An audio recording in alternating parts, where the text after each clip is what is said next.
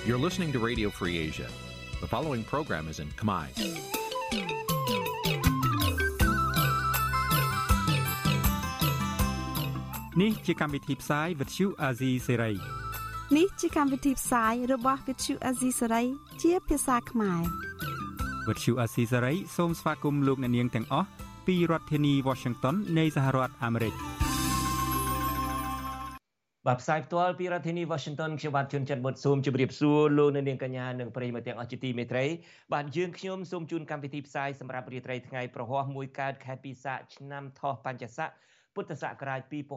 2566ដែលត្រូវនៅថ្ងៃទី20ខែមេសាគ្រិស្តសករាជ2023បាទជាដំបូងនេះសូមអញ្ជើញលោកអ្នកនាងស្ដាប់ព័ត៌មានប្រចាំថ្ងៃដែលមានមេតិការដូចតទៅ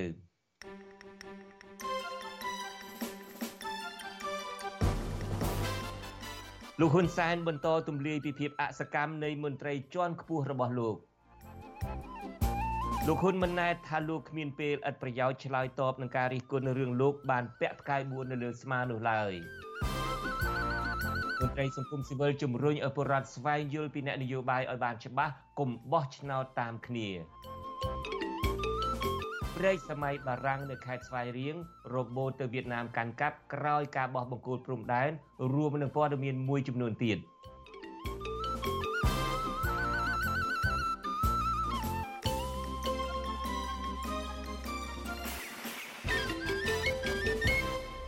បាទជាបន្តទៅទៀតនេះខ្ញុំបាទជួនចាត់បុតស៊ូមជូនព័ត៌មានទាំងនេះពិស្ដាបាទលោកនាងកញ្ញាជាទីមិត្តរីលោកនាយករដ្ឋមន្ត្រីហ៊ុនសែនត្អូញត្អែជាថ្មីម្ដងទៀតថាមន្ត្រីថ្នាក់ក្រោមរបស់លោកមួយចំនួនអសកម្មឬយឺតយ៉ាវក្នុងការឆ្លើយតបជាមួយលោកក៏ប៉ុន្តែលោកថាមានមន្ត្រីខ្លះទៀតឆ្លើយតបលឿនខុសទំនងដោយមិនទាន់ទាំងបានមើលខ្លឹមសារនៃសាររបស់លោកផងមន្ត្រីសង្គមស៊ីវិលរិះគន់ថាករណីកូនចៅបំពេញមិនបានល្អដដែលដដែលបែបនេះ អាចមកពីចៅវាយមិនចេះគ្រប់គ្រងកូនចៅរបស់ខ្លួន បាទអ្នកស្រីសុជីវីមានសេចក្តីរាយការណ៍អំពីរឿងនេះជូនលោកនៅនាងពីរដ្ឋធានី Washington លោកនាយរដ្ឋមន្ត្រីហ៊ុនសែនបន្តទម្លាយភាពអសកម្មនៃមន្ត្រីជាន់ខ្ពស់របស់លោកជាថ្មីម្ដងទៀតរដ្ឋមន្ត្រីក្រសួងព័ត៌មានលោកខៀវកញ្ញរិទ្ធជាប់ជារដ្ឋមន្ត្រីស្ពឹកជាងគេនៅក្នុងការឆ្លើយតបជាមួយចៅហ្វាយរបស់ខ្លួន គឺលោកនាយរដ្ឋមន្ត្រីហ៊ុនសែនលោកហ៊ុនសែនទម្លាយថារដ្ឋមន្ត្រីក្រសួងព័ត៌មានរូបនេះ ទម្រាំឆ្លើយសាររបស់លោកម្ដងម្ដងត្រូវប្រើរយៈពេលពី7ទៅ15ថ្ងៃឯណោះលោកហ៊ុនសែនបានដឹងទៀតថារដ្ឋលេខាធិការនៃទីស្តីការគណៈរដ្ឋមន្ត្រីម្នាក់ទៀតគឺលោកសយសុខាក៏ជាមន្ត្រីឆ្លើយតបសាររបស់លោកយឺតដែរតែនៅក្រាន់បើជាងលោកខៀវកញ្ញរិទ្ធបន្តិច។ ប៉ុន្តែមានមន្ត្រីយើងខ្លះខ្ជិលរដ្ឋមន្ត្រីថ្នាក់រដ្ឋមន្ត្រីដែលបញ្ចូលក្នុងក្រុមពេលខ្ញុំបញ្ជូនសារចូលទៅក្នុងនោះជួនកាល7ថ្ងៃក្រោយបានទទួលបានសូមអរគុណឥឡូវបើកមើលឡើងវិញអ្នកកតុយក្រោយគេអ្នកកតុយក្រោយគេគឺកញ្ញារិទ្ធមើលមើលទៅក្នុងក្រុមនោះអញ្ចឹងទេដល់ទៅរដ្ឋមន្ត្រីព័ត៌មានអត់មើលអត់កាន់ទូរស័ព្ទឲ្យវាយទៅគាត់ក៏មិនងាយទេលោកហ៊ុនសែនលើកឡើងដូចនេះនៅក្នុងពិធីដាក់ឲ្យប្រើប្រាស់អាគារសម្ភពនៃមន្ទីរពេទ្យកុមារជាតិក្នុងរាជធានីភ្នំពេញ នៅថ្ងៃទី20ខែមេសាក្រៅពីមន្ត្រីឆ្លើយតបសារយឺតពេលក៏មានមន្ត្រីខ្លះឆ្លើយតបសាររបស់លោកហ៊ុនសែនទាំងមិនបានដឹងខ្លឹមសារនៃសារនោះផងដែរលោកហ៊ុនសែនឲ្យដឹងទៀតថាមន្ត្រីទាំងនោះគឺរដ្ឋមន្ត្រីក្រសួងផែនការលោកឆៃថននិងទីប្រឹក្សារដ្ឋាភិបាលនិងជាអតីតប្រធានក្រុមប្រឹក្សាធម្មនុញ្ញលោកឯកសំអល់នេះមិនមែនជាលើកទី1ទេដែលលោកហ៊ុនសែនត្អូញត្អែពីការបំពេញការងាររបស់មន្ត្រីថ្នាក់ក្រោមរបស់លោក ដែលបំពេញការងារមិនបានល្អមិនបានពិនិត្យឲ្យបានល្អិតល្អន់ឬឆ្លើយតបសាររបស់លោកមិនទាន់សភាពការកន្លងទៅលោកហ៊ុនសែនបានស្ដីបន្ទោសរដ្ឋមន្ត្រីមួយចំនួនដែលបញ្ជូនការងារឬឯកសារមកលោកទាំងមិនបានពិនិត្យអក្ខរាវិរុទ្ធនិងមិនបានចុះថ្ងៃខែច្បាស់លាស់ជាដើមតកតោរឿងនេះប្រធានសមាគមប្រជាធិបតេយ្យឯករាជ្យនៃសេដ្ឋកិច្ចក្រៅប្រព័ន្ធលោកវុនពៅយល់ឃើញថា លោកហ៊ុនសែនគួរតែដល់ពេលពិនិត្យឡើងវិញនៃការបំពេញការងាររបស់មន្ត្រីរបស់លោកហើយលោកវុនពៅរិះគន់ថាបើមន្ត្រីទាំងនោះគ្រាន់តែឆ្លើយតបជាមួយនាយករដ្ឋមន្ត្រីមិនទាន់ពេលផងចុះទម្រាំមន្ត្រីទាំងនោះឆ្លើយតបជាមួយពលរដ្ឋកសិករនិងកម្មករតើពួកគាត់នឹងអូសបន្លាយពេលវេលាបែបណាលោកបន្តទៀតថាអាណត្តិក្រោយនេះលោកហ៊ុនសែនគួរតែបដូរមន្ត្រីអសកម្មមួយចំនួនចេញដាក់រដ្ឋមន្ត្រីថ្មី ដែលសកម្មនឹងការងារនិងមានជំនាញច្បាស់លាស់ ររដ្ឋមន្ត្រីទាំងអស់នោះគ្រាន់តែឆ្លើយទៅប្រមុខរដ្ឋាភិបាលមានការយឺតយ៉ាវវាធ្វើឲ្យប្រជាពលរដ្ឋមួយចំនួនធុញទ្រាន់ទៅនឹងសេវាទាំងឡាយណាដែលដែលការឆ្លើយតបទៅនឹងតម្រូវការប្រជាពលរដ្ឋមានការយឺតយ៉ាវធ្វើឲ្យប្រជាពលរដ្ឋមួយចំនួនអស់សង្ឃឹមទៅនឹងការពឹងទៅលើរដ្ឋមន្ត្រីទាំងអស់នោះហើយអញ្ចឹងហើយដែលស្រុកយើងនៅពេលដែលមានបញ្ហាកើតឡើងគឺប្រជាពលរដ្ឋតែងតែអំពាវនាវក៏ដូចជាសំណូមពរទៅប្រមុខរដ្ឋាភិបាលឲ្យដោះស្រាយដោយផ្ទាល់ ចំណែកប្រធានសមាគមសម្ព័ន្ធនិស្សិតបញ្ញវន្តខ្មែរលោកកើតសរាយយល់ថាបញ្ហាកើតឡើងដដែលដដែលបែបនេះជាការបង្ហាញពីភាពខ្វះការទទួលខុសត្រូវរបស់រដ្ឋមន្ត្រីដែលស្ថិតនៅក្នុងការគ្រប់គ្រងរបស់លោកហ៊ុនសែននិងចំណុចសំខាន់មួយទៀតក៏អាចមកពីលោកហ៊ុនសែនខ្លួនឯងដែរដែលគ្រប់គ្រងមន្ត្រីថ្នាក់ក្រោមរបស់ខ្លួនមិនបានល្អលោកកើតសរាយកត់សម្គាល់ទៀតថាកន្លងមក ការចាត់ចែងការងាររបស់លោកហ៊ុនសែន ហាក់មិនបានរៀបចំប្រព័ន្ធការងារឲ្យបានច្បាស់លាស់ទេ តែជាការបំពេញការងារតាមបែបមិត្តភ័ក្តិទៅវិញ។ យើងដឹងហើយទូនាទីរដ្ឋមន្ត្រីហ្នឹងគឺស្រួលណាស់มันមានពេលទំនេរទេហើយជាពិសេសហ្នឹងគឺការប្រតិកម្មជាមួយនឹងកិច្ចការងារថ្នាក់លើរបស់ខ្លួនហ្នឹងគឺត្រូវត្រៀមខ្លួនសឹង20លើ24ម៉ោងណានៅពេលដែលគាត់តែឆ្លើយជាមួយនឹងនាយករដ្ឋមន្ត្រីដែលជាថ្នាក់លើថ្នាក់ដឹកនាំកម្ពុជារបស់ខ្លួនហើយធ្វើឲ្យមានភាពយឺតយ៉ាវអាហ្នឹងវាបង្ហាញអំពីការខ្វះពីទំនួលខុសត្រូវរបស់រដ្ឋមន្ត្រីនិងខ្លួនឯងផ្ទាល់ផងក៏វាបង្ហាញអំពី ការរបៀបហៅថាភាពខ្វះខាតនៃការគ្រប់គ្រងរបស់លោកនាយករដ្ឋមន្ត្រីហ៊ុនសែនផងដែរលោកហ៊ុនសែនចាប់ផ្ដើមបង្ហាញភាពអសកម្មនៃមន្ត្រីថ្នាក់ក្រោមរបស់លោកជាបន្តបន្ទាប់នៅពេលនេះខណៈលោកកំពុងត្រួសត្រាយផ្លូវឲ្យកូនប្រុសច្បងរបស់លោកគឺលោកហ៊ុនម៉ាណែតត្រៀមអង្គុយកៅអីនាយករដ្ឋមន្ត្រីជំនួសរូបលោកលោកហ៊ុនម៉ាណែតត្រូវបានគណៈបកប្រជាជនកម្ពុជាទទួលស្គាល់ជាបេក្ខភាពនាយករដ្ឋមន្ត្រីអនាគត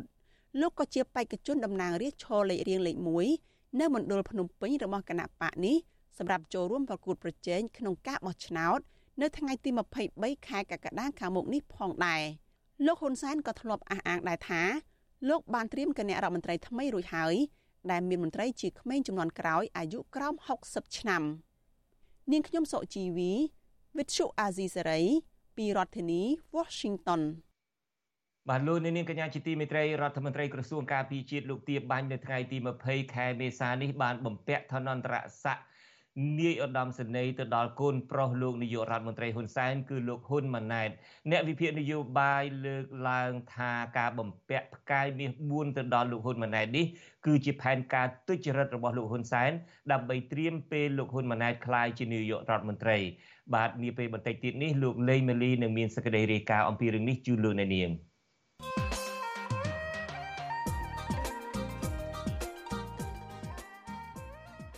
បាទលោកនាងជាទីមេត្រីក្នុងអាណត្តិទី6នេះលោកនាយករដ្ឋមន្ត្រីហ៊ុនសែនបានជួយជ្រោមជ្រែងមន្ត្រីស្មោះត្រង់នឹងរូបលោកជាច្រើនអ្នកឲ្យដាក់កូនកូនរបស់ពួកគេជាមន្ត្រីជាន់ខ្ពស់ធ្វើការអែបនឹងខ្លួននេះជាការគ្រប់គ្រងអំណាចបែបសន្តតិវង្សឬតពូជនៅតាមស្ថាប័នរដ្ឋ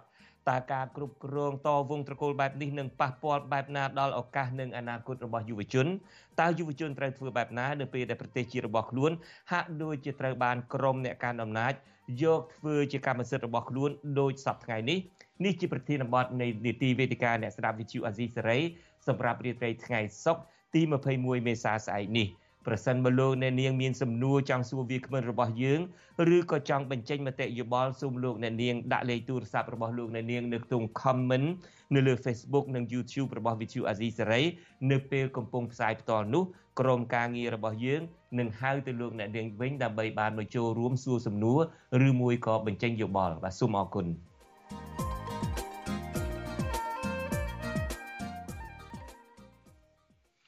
បាទលោកនាងកញ្ញាជាទីមេត្រីកម្ពុជាអនុវត្តរបបដឹកនាំតាមបែបប្រជាធិបតេយ្យដែលអនុញ្ញាតឲ្យពលរដ្ឋមានសិទ្ធិបោះឆ្នោតជ្រើសរើសមេដឹកនាំឬពលរដ្ឋជាម្ចាស់ឆ្នោតមន្ត្រីសង្គមស៊ីវិលលើកឡើងថាពលរដ្ឋអាចក្លាយជាម្ចាស់អំណាចពិតប្រាកដបានលុះត្រាតែស្វែងយល់ឲ្យបានច្បាស់ពីអ្នកនយោបាយហើយបោះឆ្នោតជ្រើសរើសអ្នកបម្រើពលរដ្ឋពិតប្រាកដបាទលោកសេកបណ្ឌិតមានសេចក្តីរាយការណ៍អំពីរឿងនេះពីរដ្ឋធានី Washington មន្ត្រីសង្គមស៊ីវិលជំរុញឲ្យប្រជាពលរដ្ឋយកចិត្តទុកដាក់ស្វែងយល់ពីអ្នកនយោបាយឲ្យបានច្បាស់លាស់ដើម្បីក្លាយជាម្ចាស់អំណាចពិតប្រាកដហើយជៀសវាងការសម្រេចចិត្តបោះឆ្នោតដោយជឿតាមគ្នា ការភ័យខ្លាច ឬសម្រេចចិត្តដោយសារអំណោយ ឬការទិញទឹកចិត្តផ្សេងផ្សេងប្រធានមជ្ឈមណ្ឌលប្រជាពលរដ្ឋដើម្បីអភិវឌ្ឍនិងសន្តិភាពលោកយងកំឯងមានប្រសាសន៍ថា ឆ្លងកាត់តាមការបោះឆ្នោតជាបន្តបន្ទាប់ចាប់តាំងពីឆ្នាំ1993មកពលរដ្ឋហាក់មានការយល់ដឹងកើនឡើងច្រើន អំពីការបោះឆ្នោត និងស្ថានភាពនយោបាយទោះយ៉ាងណាលោកថាការសម្រេចចិត្តបោះឆ្នោតប្រជាពលរដ្ឋហាក់ប្រើមនោសញ្ចេតនាការស្គាល់គ្នាជាជាងការពិចារណាលើលក្ខណៈសម្បត្តិរបស់អ្នកនយោបាយប្រជាពលរដ្ឋខ្មែរយើងយើងឃើញមានលក្ខណៈ អតចរិតស្លូតបូតស្មោះត្រង់ទាំងអស់នឹងហើយដែលពេលខ្លះការបោះឆ្នោតរបស់គាត់គឺតាមរយៈការរាប់អានតាមរយៈទំនាក់ទំនងបាទជាជាងការគិតទៅលើផលប្រយោជន៍ជារួមរបស់គាត់នៅក្នុងការអភិវឌ្ឍនៅក្នុងការដឹកនាំឯជាដើមណាបាទ អ្នកសម្របសម្រួលផ្នែកអង្គការរបស់អង្គការឃ្លាំមើលការបោះឆ្នោតនៃអង្គការ Confrel លោកកនសវាង សង្កេតឃើញថាពលរដ្ឋភៀកច្រើន មិនស្គាល់បុគ្គលជាតំណាងរាស្ត្រឬតួនាទីតំណាងរាស្ត្រនោះទេលោកបន្តថាការដែលពលរដ្ឋមិនបានពិចារណាស្វែងយល់ឲ្យបានច្បាស់លាស់មុនបោះឆ្នោតនោះ គឺជាការខកខានក្នុងការជ្រើសរើសតំណាងរាស្ត្រល្អ។ ប៉ះពាល់ត្រង់ថាគាត់អត់បានយល់អំពីតម្លៃនៅក្នុងរណីតម្រាងរាហើយគាត់មិនបានតាមដានអាហ្នឹងភាគច្រើនគឺគាត់តែងតែបោះហើយបោះចោលមានន័យថាការបោះហើយគឺគាត់មិនមានយន្តការក្នុងការតាមដានការពិនិត្យមើលថាតើតំណាងរាដែលមកឈើជាតំណាងរាដែលខ្លួនសម្រាប់បោះឆ្នោតហ្នឹងមានលក្ខណៈសម្បត្តិមានគុណសម្បត្តិមានគោលការណ៍នយោបាយការអនុវត្តគោរពតាមកិច្ចសន្យា ឬក៏គោលការណ៍នៃការឃោសនានឹងដែរឬទេតំណាងរាស្ត្រមានតួនាទីសំខាន់3គឺបង្កើតច្បាប់តាមដានសកម្មភាពការងាររបស់រដ្ឋាភិបាល ក្នុងការអនុវត្តច្បាប់និងចុះជួបប្រជាពលរដ្ឋតាមមូលដ្ឋាន ដើម្បីស្វែងយល់ពីទុកលំបាកហើយយកមកដោះស្រាយតំណាងរាស្ត្រធ្វើការនៅសភា ចំនួន125រូបនិងធ្វើការនៅព្រឹទ្ធសភា ចំនួន62រូប តំណាងរាស្ត្រម្នាក់ទទួលបានប្រាក់ខែជាង4000ដុល្លារបើសរុបបញ្ចូលគ្នាគ្រាន់តែប្រាក់ខែតំណាងរាស្ត្ររដ្ឋាភិបាលត្រូវចំណាយលុយជិត1លានដុល្លារក្នុងមួយខែនេះមិនទាន់រាប់បញ្ចូលទាំងអត្ថប្រយោជន៍ផ្សេងផ្សេងដូចជារបបឡាន អ្នកបើកឡាន និងថ្លៃឈ្នួលផ្ទះព្រមទាំងប្រាក់បេសកកម្មផងនោះទេទោះយ៉ាងណាតំណាងរាស្ត្រទាំងនេះរងការរិះគន់ថាមិនបានបំពេញតួនាទីត្រឹមត្រូវនៅឡើយ។ បញ្ហាធំធំរបស់ប្រជាពលរដ្ឋដូចជាកសិករធ្វើកសិកម្មមិនបានផលមិនមានទីផ្សារកម្មកររោងចក្របាត់បង់ការងារបំណុលកើនឡើងនិងការឈូសឆាយរំលោភបំពានដីធ្លីជាដើមកម្រឃើញតំណាងរាស្ត្រចេញមុខដោះស្រាយណាស់បញ្ហាអសកម្មរបស់តំណាងរាស្ត្រនេះនាំឲ្យលោកយងកំឯងលើកឡើងថាពលរដ្ឋនៅក្នុងសង្គមហាក់ភ្លេចថា មានតំណាងរាស្ត្រឬស្ថាប័នសភា ប្រធានសមាគមការពារសិទ្ធិមនុស្សអាត6លោកនីសុខាថ្លែងនៅក្នុងវេទិកាផ្សព្វផ្សាយពីសិទ្ធិពលរដ្ឋក្នុងការចូលរួមបោះឆ្នោតនៅឆ្នាំ2023នេះថាសัญลักษณ์ឆ្នោតគឺជាអំណាចឬហៅថាពលរដ្ឋជាម្ចាស់អំណាចប៉ុន្តែលោកថាសัญลักษณ์ឆ្នោតអាចคล้ายជាអំណាចបានលុះត្រាតែពលរដ្ឋស្វែងយល់ឲ្យបានច្បាស់អំពីគណៈបកនយោបាយបេក្ខជនតំណាងរាស្ត្រនិងច្បាប់ពាក់ព័ន្ធនានាហើយសម្រេចបោះឆ្នោត ដោយមិនមានការភ័យខ្លាចឬបោះឆ្នោតដោយដូរយកអំណោយទល់តែស្លឹកឆ្នោតយើងនឹងទៅបោះឆ្នោតដោយមិនមានការលក់នៅឧត្តមកតេមានន័យថាដូរជាលុយមានន័យជាអំណោយជារបស់របរបើសិនបើយើងលក់ស្លឹកឆ្នោតយើងទៅបោះគ្រាន់ដើម្បីបានអំណោយទៅបោះគ្រាន់ដើម្បីបានជារបស់របរនោះស្លឹកឆ្នោតមិនមែនជាអំណាចរបស់យើងទេ ណាផ្ទុយទៅវិញយើងមិនមែនជាម្ចាស់នៃស្លឹកឆ្នោតនោះទេ គឺយើងជាទាសករនៃស្លឹកឆ្នោតពីព្រោះយើងលក់លក់តម្លៃរបស់យើងចំណែកអ្នកនាំពាក្យគណៈកម្មាធិការជាតិរៀបចំការបោះឆ្នោតហៅកាត់ថាគោជបលោកហងពុធាថ្លែងថាគោជបមិនបានសិក្សាថាពលរដ្ឋប្រមាណភាគរយយល់ដឹងពីគណៈបកនយោបាយឬដំណើរការបោះឆ្នោតនោះទេប៉ុន្តែលោកថាគោជប បានបង្កើតកម្មវិធីផ្សព្វផ្សាយឲ្យប្រជាពលរដ្ឋយល់ដឹងពីសិទ្ធិទាំងនេះកជបបានបន្តក្រោយតែពីការផ្សព្វផ្សាយគឺមានរៀបចំម្ដងបណ្ដាលនៅតាមសាកលវិទ្យាល័យទាំងរដ្ឋទាំងឯកជនដើម្បីអ្នកចូលរួម ជានិស្សិតឬក៏ជាសិស្សដែលមានអាយុចាប់ពី18ឆ្នាំឡើងលោកខ្លាយទៅជាអ្នកផ្សព្វផ្សាយផ្ទាល់មាត់បន្តទៀតដល់ក្រមគូសានៅតាមខេត្តឬក៏ក្រមគូសានៃសង្គមជាតិទាំងមូលដើម្បីធានាថាព័ត៌មានស្តីពីការបោះឆ្នោតនេះឯងគឺបានជួយជាតិទៅដល់ទៅតាមខ្នងផ្ទះនៃប្រជាពលរដ្ឋបាទការបោះឆ្នោតជ្រើសតាំងដំណាលរាស្ត្រអាណត្តិទី7នឹងប្រព្រឹត្តទៅ នៅថ្ងៃទី23ខែកក្កដាខាងមុខនេះ របាយការណ៍កោជបឲ្យដឹងថាប្រជាពលរដ្ឋដែលមានឈ្មោះនៅក្នុងបញ្ជីបោះឆ្នោតមានចំនួន9លាន7សែននាក់ជុំវិញការយល់ដឹងរបស់ពលរដ្ឋអំពីការបោះឆ្នោត ហាក់ដូចជានៅទៀបដោយសារពលរដ្ឋនៅមានការភ័យខ្លាចពេលនិយាយអំពីរឿងនយោបាយហើយគណៈបកនយោបាយមួយចំនួន ជាពិសេសគណៈបកប្រជាជនកម្ពុជាដែលជាបកកាន់អំណាច នៅតែដើរបង្រៀនពលរដ្ឋឲ្យគូសស្លឹកឆ្នោតឲ្យខ្លួនខ្ញុំបាទសេកបណ្ឌិត វិទ្យុអាស៊ីសេរីពីរដ្ឋធានីវ៉ាស៊ីនតោន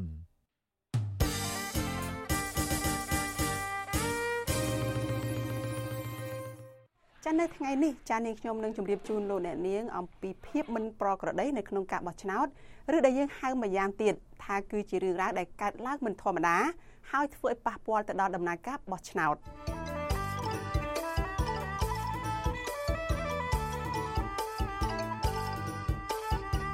ចាប់ភាពមិនប្រក្រតីទាំងនោះរួមមានចាការទិញសញ្ញាឆ្នោត ដោយការប្រើប្រាស់សម្ភារៈលុយកាក់ចាស់ហើយជាពិសេសនោះគឺការទិញសញ្ញាឆ្នោត នៅយប់មុនថ្ងៃបោះឆ្នោតតែម្ដង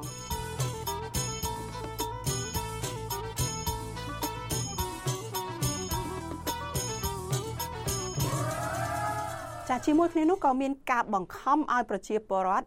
ចាស្បត់ថាបោះឆ្នោតឲ្យខ្លួន ចាប់ភាពនឹងប្រក្រតីមួយទៀតនោះគឺតកតងទៅនឹងការបង្ខិតបង្ខំចាការគម្រាមកំហែងការធ្វើទុកបុកម្នេញសពបែបយ៉ាងទៅលើបេក្ខជន និងគណៈបកនយោបាយដែលឈរឈ្មោះបោះឆ្នោត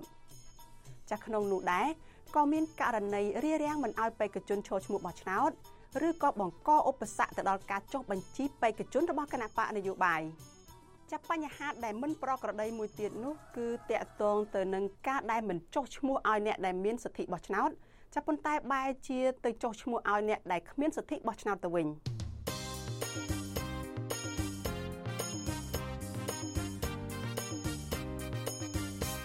ចានៅក្នុងយុទ្ធនាការបោះឆ្នោតក៏កើតមានករណីការឃោសនាដែលមិនស្មើភាពគ្នាចាដូចជាការឃោសនាមុនរដូវកាលជាដើមចាមានករណីអំពើហិង្សា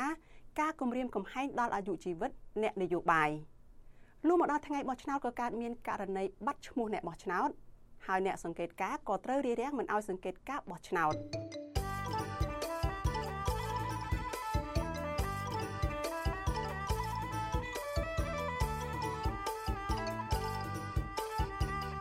ចាប់ប្រសិនបានលោកអ្នកនាង មើលឃើញពីភាពមិនប្រក្រតីទាំងនេះចាការបោះឆ្នោតទាំងនោះមិនអាចចាត់ទុកថាជាការបោះឆ្នោតដែលសេរីត្រឹមត្រូវនិងយុត្តិធម៌បានឡើយ ចាសសូមអរគុណលោកអ្នកនាងដែលតាមដានវីដេអូនេះចាសជួបគ្នានៅពេលក្រោយទៀតចាសសូមអរគុណ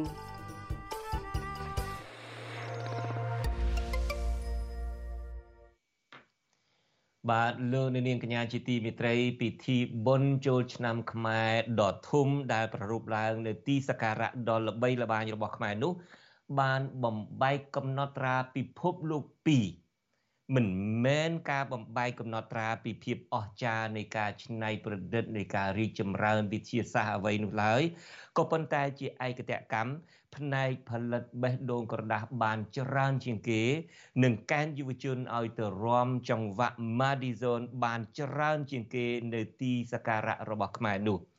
ទន្ទឹមនឹងគ្រួសារត្រកូលហ៊ុនដែលជាអ្នកផ្ដួចផ្ដើមពិធីនេះមានមោទនភាពចំពោះការរៀបចំនេះ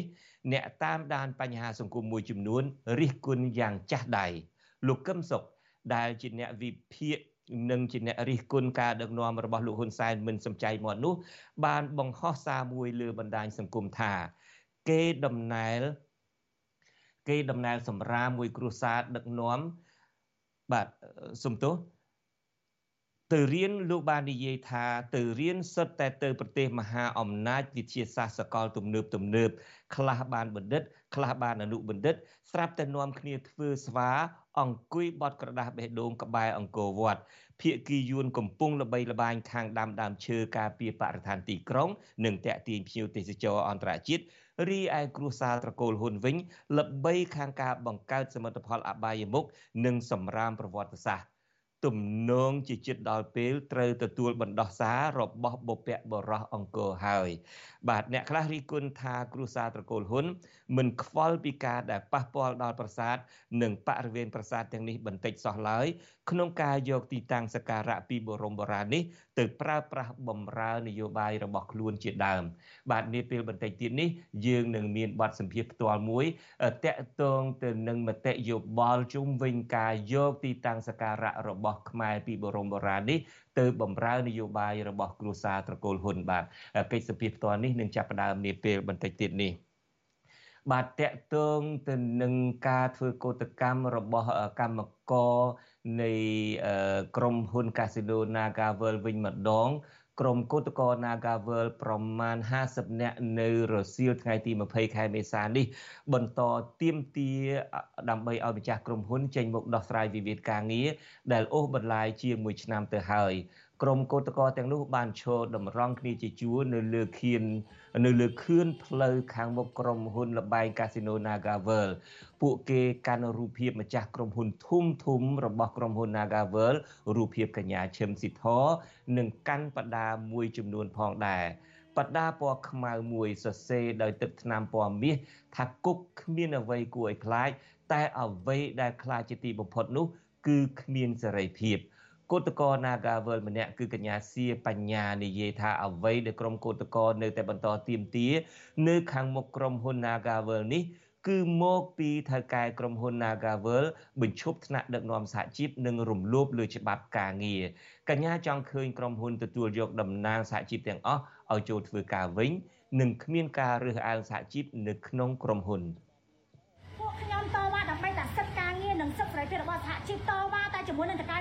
កាណាកាវត្តដែលគេរំលោភបំពានសិទ្ធិការងាររបស់បងប្អូនកម្មករខ្មែរប្រជាពលរដ្ឋខ្មែរតែប៉ុណ្្នឹងឯងចាតកាណាតតកាណាកាវត្តចាគេរំលោភបំពានសិទ្ធិការងាររបស់បងប្អូនកម្មករខ្មែរឲ្យគេអាចរំលាយសម្លេងសហជីពឯករាជ្យនៅក្នុងក្រុមហ៊ុនណាកាវត្តបានចាបងប្អូនដែលធ្វើការតាមសហគ្រាសឬក៏តាមរោងចក្រចាបងប្អូនពិចារណាទៅថាកន្លែងធ្វើការមួយបើសិនជាអត់មានសហជីពការពារអត្ថប្រយោជន៍ការពារសិទ្ធិឲ្យបងប្អូនកម្មករខ្មែរតើកម្មករខ្មែរនឹងបាត់បង់អត្ថប្រយោជន៍អីគេខ្លះនឹងទទួលរងផលប៉ះពាល់អ្វីគេខ្លះអញ្ចឹងសំខាន់ថា បងប្អូនប្រជាពលរដ្ឋខ្មែរជាពិសេសបងប្អូនកម្មករខ្មែរយើងនឹងយល់ដឹងចាពាក់ព័ន្ធជាមួយនឹងសហជីពឯករាជ្យចាអញ្ចឹងអាពួកខ្ញុំព្យាយាមការពារសហជីពឯករាជ្យ LRSU ឲ្យមាននៅក្នុងក្រុមហ៊ុន Nagawal នេះខ្លាំងណាស់បាទកញ្ញាសៀបញ្ញាបញ្ជាក់ថាការធ្វើកោតកម្មនេះមិនមានបុគ្គលណាមកញុះញង់និងបញ្ជាឲ្យធ្វើនោះទេពលគឺក្រុមកោតកោទាំងអស់ស្ម័គ្រចិត្តចេញទៅទៀមទាដើម្បីឲ្យថកែចេញដោះស្រាយវិវាទការងារតែប៉ុណ្ណោះ ក្រុមកោតកោបានធ្វើកោតកម្មទៀមទាដោះស្រាយវិវាទការងាររបស់ពួកគេអស់រយៈពេលជាង1ឆ្នាំទៅហើយក៏ប៉ុន្តែត្រូវអាជ្ញាធរនិងក្រុមហ៊ុនរួមគ្នាចោទប្រកាន់និងចាប់ខ្លួនតំណាងកម្មករដាក់គុកជាបន្តបន្ទាប់ដូចជាកញ្ញាឈឹមស៊ីធដែលពេលនេះកំពុងជាប់ពន្ធនាគារព្រៃសរជាដើមក្រុមអង្គការនិងសហជីពអន្តរជាតិព្រមទាំងក្រុមប្រទេសប្រជាធិបតេយ្យផងសុទ្ធតែចាត់ទុកថាការចោទប្រកាន់និងការចាប់ឃុំខ្លួនតំណាងសហជីពក្រុមហ៊ុន Nagavel ដែលភាគច្រើនជាស្ត្រីនេះ គឺជារឿងអយុត្តិធម៌និងទាមទារឲ្យទម្លាក់ចោលការចោទប្រកាន់និងដោះលែងកញ្ញាឈឹមស៊ីធ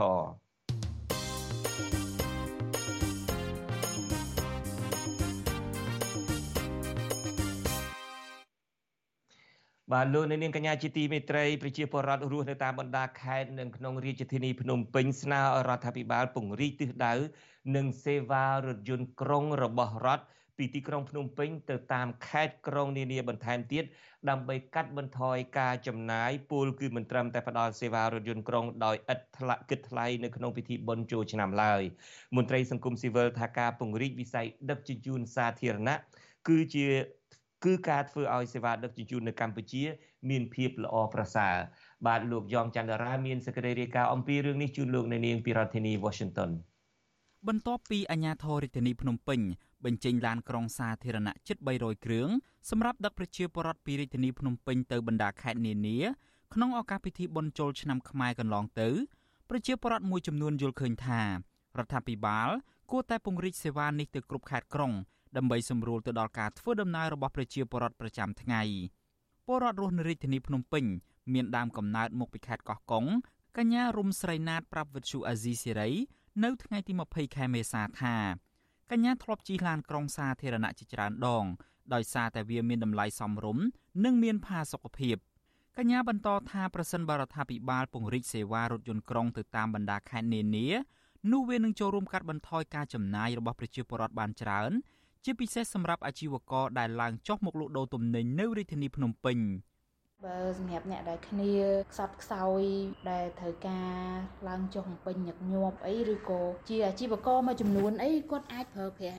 សេវាកម្មរដ្ឋហ្នឹងគឺវាល្អម្យ៉ាងដែរបើបើសិនជាអាចធ្វើបានគឺថាជួយច្រើនដល់ប្រជាពលរដ្ឋពួកអីយើងដឹងស្រាប់អីឡានទៅមកវាចំណាយជួនកាលអាចថាលើសអីដែលពួកគាត់រកបានក្នុងមួយថ្ងៃទៀត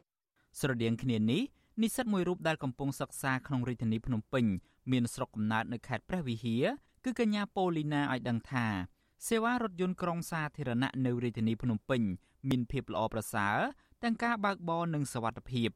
កញ្ញាយល់ឃើញថាប្រសិនបរដ្ឋាភិបាលពង្រីកសេវារថយន្តនេះទៅតាមបណ្ដាខេត្តក្រៅតែពីថ្ងៃបុណ្យជាតិធំធំនោះវានឹងចូលរួមចំណែកដល់ការពន្លឿនការធ្វើដំណើររបស់ប្រជាពលរដ្ឋជាពិសេសកាត់បន្ថយការចំណាយទៅលើសេវាដឹកជញ្ជូនឯកជនដែលមានតម្លៃថ្លៃ។ បើសិនជាមានទៅតាមខេត្តផ្សេងផ្សេងក្រៅពីបុណ្យភ្ជុំឬក៏បុណ្យទានអីផ្សេងផ្សេងអាហ្នឹងអាចនិយាយបានថាមានជារៀងរាល់ថ្ងៃហ្នឹងចំណាយរបស់ប្រជាពលរដ្ឋក៏តិចការធ្វើដំណើររបស់ពួកគាត់ក៏ងាយស្រួលដោយសារតែឥឡូវនេះបញ្ហាថ្លៃឡានឈ្នួលទៅតាមខេត្តតាមអីក៏មានការចំណាយច្រើនអាចពី30000រៀលទៅដល់20ដុល្លារ80000រៀលជាដើមនៅក្នុងពិធីបុណ្យចូលឆ្នាំខ្មែរថ្មីថ្មីនេះរដ្ឋបាលរាជធានីភ្នំពេញ បានបញ្ចេញរថយន្តក្រុងចំនួន345គ្រឿងសម្រាប់ដឹកអ្នកដំណើរដោយបែងចែក70គ្រឿងដឹកជញ្ជូនប្រជាពលរដ្ឋនៅរាជធានីភ្នំពេញនិង275គ្រឿងទៀតសម្រាប់ដឹកជញ្ជូនប្រជាពលរដ្ឋពីរាជធានីភ្នំពេញទៅកាន់ខេត្តមួយចំនួនរបាយការណ៍របស់អាជ្ញាធរឲ្យដឹងថានៅក្នុងរយៈពេល5ថ្ងៃចាប់ពីថ្ងៃទី13ដល់ថ្ងៃទី17ខែមេសានៃការផ្តល់សេវាដឹកជញ្ជូនដោយឥតគិតថ្លៃនេះមានប្រជាពលរដ្ឋជិត50000នាក់ បានមកទទួលសេវារថយន្តក្រុងសាធារណៈនេះអញ្ញាធិបបញ្ជាក់ថាការសម្រួលដល់ប្រជាពលរដ្ឋនៅក្នុងការធ្វើដំណើរទៅលេងស្រុកកំណើតនៅក្នុងពិធីបុណ្យចូលឆ្នាំថ្មីដោយឥតគិតថ្លៃនេះគឺជាការចូលរួមចំណែកកាត់បន្ថយការចំណាយរបស់ប្រជាពលរដ្ឋមួយកម្រិតក៏ប៉ុន្តែអ្នកតាមដានស្ថានភាពសង្គមយល់ឃើញថានេះគឺជាការទាញយកប្រយោជន៍និងជាការទិញទឹកចិត្តប្រជាពលរដ្ឋនៅមុនការបោះឆ្នោត ពីព្រោះកន្លងទៅ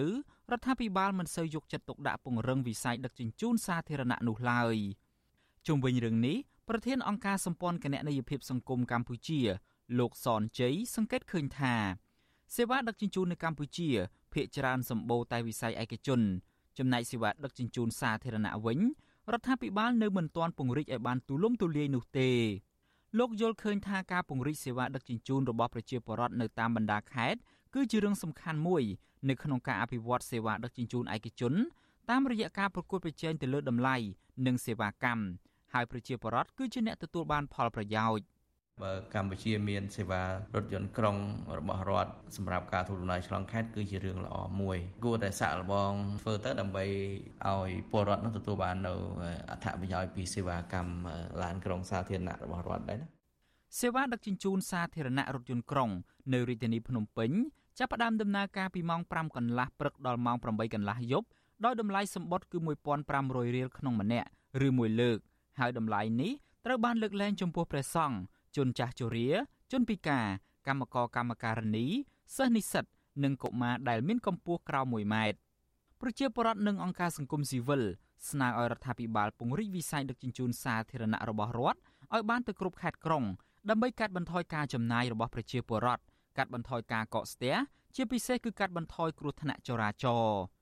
ខ្ញុំយ៉ងច័ន្ទដារាវិទ្យុអាស៊ីសេរី Washington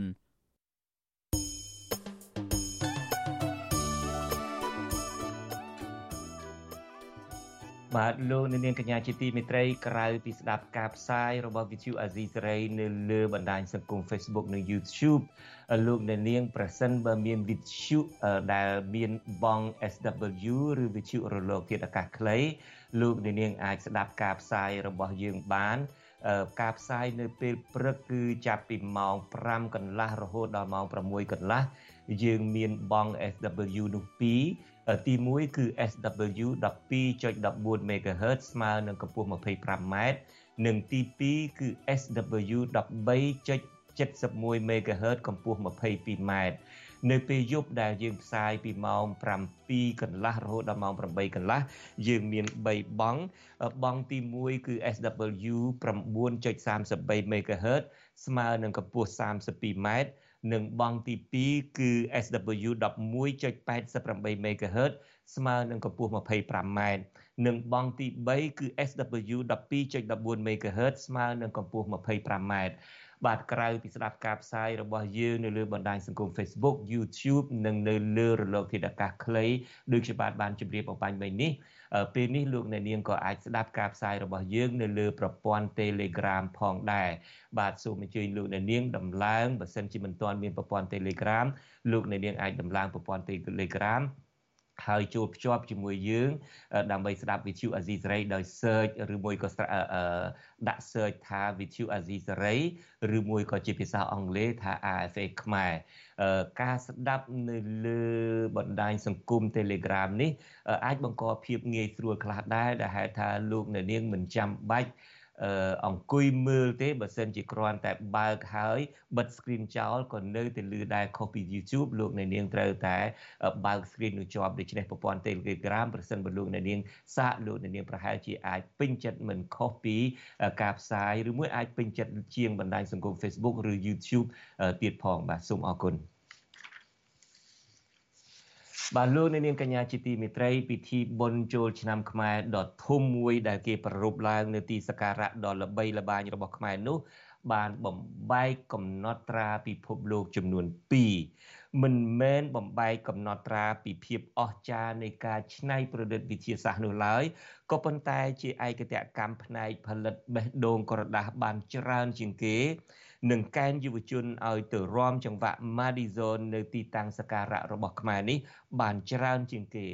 ទន្ទឹមនឹងគ្រួសារត្រកូលហ៊ុនដែលជាអ្នកផ្ដួចផ្ដើមពិធីនេះមានមោទនភាពចំពោះស្នាដៃរៀបចំរបស់ខ្លួន អ្នកតាមដានបញ្ហាសង្គមមួយចំនួនរិះគន់យ៉ាងចាស់ដៃលោកកឹមសុខដែលជាអ្នករិះគន់ការដឹកនាំលោកនាយករដ្ឋមន្ត្រីហ៊ុនសែនមិនសំចៃមាត់នោះបានបង្ហោះសារមួយនៅលើបណ្ដាញសង្គម ថាទៅរៀនសុទ្ធតែនៅប្រទេសមហាអំណាចបច្ចេកវិទ្យាសកលទំនើបទំនើប